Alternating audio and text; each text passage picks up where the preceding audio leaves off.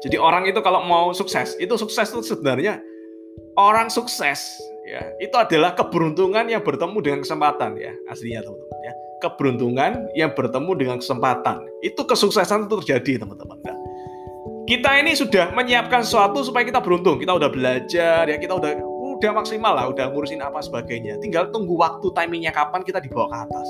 Nah tinggal waktu timingnya kapan kapan dibawa ke atas ya jadi kita harus menunggangi bisnis yang tepat ibarat kita ini anggapannya main ya, main yang namanya papan seluncur ya, papan seluncur ya di laut ya.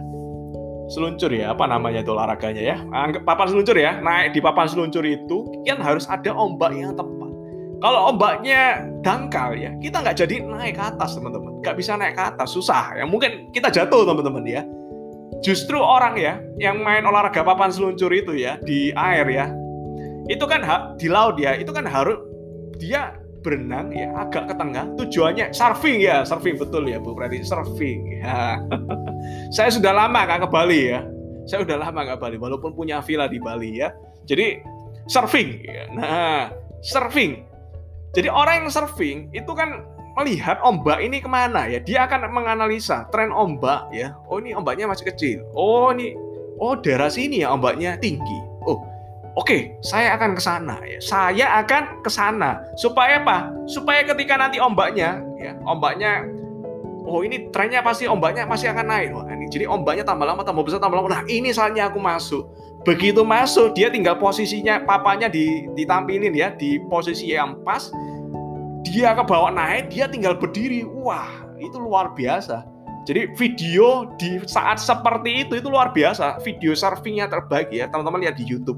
Itu adalah saat-saat di mana orang surfingnya itu lagi di bawah ombak naik ke atas itu luar biasa teman-teman. Saat-saat seperti itu paling cuman beberapa detik teman-teman ya. Tapi nyarinya itu lama ya. Mungkin setengah jam ya mungkin satu jam nyarinya. Tapi untuk dapat momen-momen seperti itu itulah bisnis kita. Kita harus cari trennya itu apa. Kita kita udah persiapan apa semua udah lengkap. Kita tinggal tahu ini ini masa depan ada di mana trennya di mana yang lagi naik itu apa. Nah, dan today hari ini memang bisnis kesehatan itu lagi naik teman-teman ya. Bisnis kesehatan memang lagi naik. Ini salah satu tren ya selalu tren ya. Dan juga di di Kompas itu juga 85% ya datanya pasien kanker dan keluarga bangkrut teman-teman ya. 85% ya.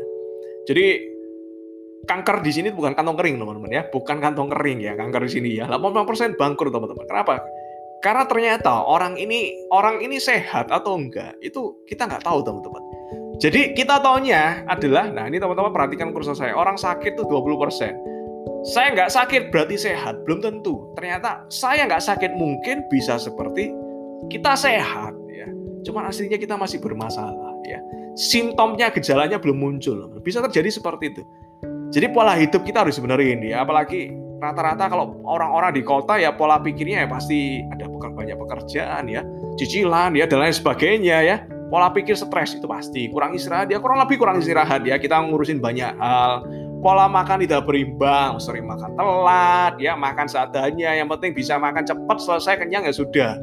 Kurang olahraga. Nah, ini jelas ini adalah pola-pola hidup yang di zaman ini ya, di zaman sekarang ini sebuah keniscayaan ya. Rata-rata orang perkotaan mengalami ini semua ya. Air udara juga kurang bagus ya, polusi juga, radiasi apalagi. HP orang Indonesia HP nggak cuma satu ya. Saya pribadi ada beberapa HP ya, lebih dari dua teman-teman ya. Teman-teman saya yakin juga di sini dua HP atau bahkan lebih teman-teman. Nah, jadi ini bisnis yang lagi ya, lagi booming ya. Dan ini harus kita perhatikan ya. Jadi bisnis-bisnis yang lagi